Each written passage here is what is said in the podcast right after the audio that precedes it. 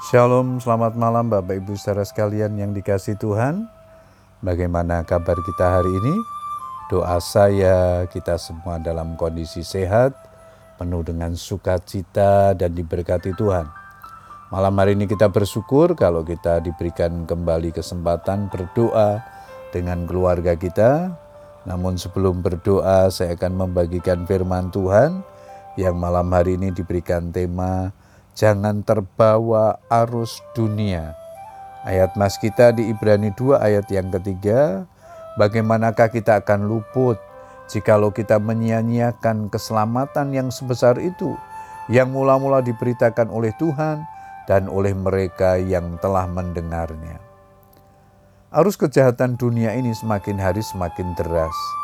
Hantaman gelombang kehidupan dunia yang begitu keras dapat membuat orang percaya tenggelam dan terseret di dalamnya.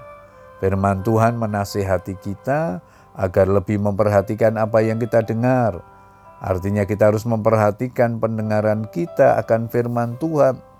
Semakin kita tinggal di dalam firman-Nya, semakin kita beroleh kekuatan untuk menghadapi arus gelombang kehidupan dunia yang bertentangan dengan kehendak Tuhan.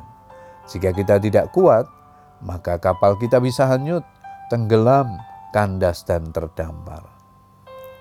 Kapal adalah gambaran kehidupan kita.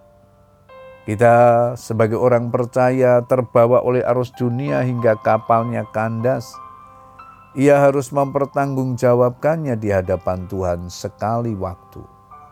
Sebab itu sebagai pertanda bahwa ia tidak mampu menjaga dan memelihara keselamatan yang telah diterimanya. Perjalanan orang dalam mengiring Tuhan bisa kandas di tengah jalan oleh karena mereka kurang teliti dan kurang memperhatikan serta kurang mendengar firman Tuhan dengan baik. Ketelitian dalam mendengar firman Tuhan adalah hal yang penting karena hidup kita ini seumpama kapal dan kita sendiri adalah nakodanya. Tidak lagi teliti dalam memperhatikan firman Tuhan membuat seseorang kehilangan arah dan tujuan hidup. Karena firman itu pelita bagi kaki kita dan terang bagi jalan kita. Karena itu kita harus melatih dan mendisiplin diri dalam hal ibadah, sebab dalam hal ibadah kita mendengar dan merenungkan firman Tuhan. Jika firman Tuhan kita dengar dengan sungguh-sungguh dan dimengerti, maka firman-Nya akan menjadi rema yang hidup di dalam kita kalau firman Tuhan itu berakar kuat di dalam kita, maka arus dunia tidak akan menyeret kita. Bapak Ibu Saudara sekalian dikasih Tuhan, berhati-hatilah sebab setiap pelanggaran dan ketidaktaatan akan selalu mendatangkan akibat. Banyak orang Kristen tidak sungguh-sungguh mendengar firman Tuhan sehingga mereka mudah terseret arus dunia ini. Inilah waktunya untuk kita semakin giat di dalam beribadah, semakin sungguh-sungguh di dalam mengikut Tuhan dan melayani Dia.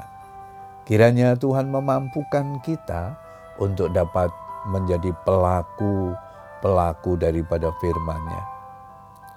Selamat berdoa dengan keluarga kita, tetap semangat hidup bagi Tuhan, tetap semangat berharap kepada Tuhan, tetap semangat di dalam berdoa. Tuhan akan memberkati kita semua. Amen.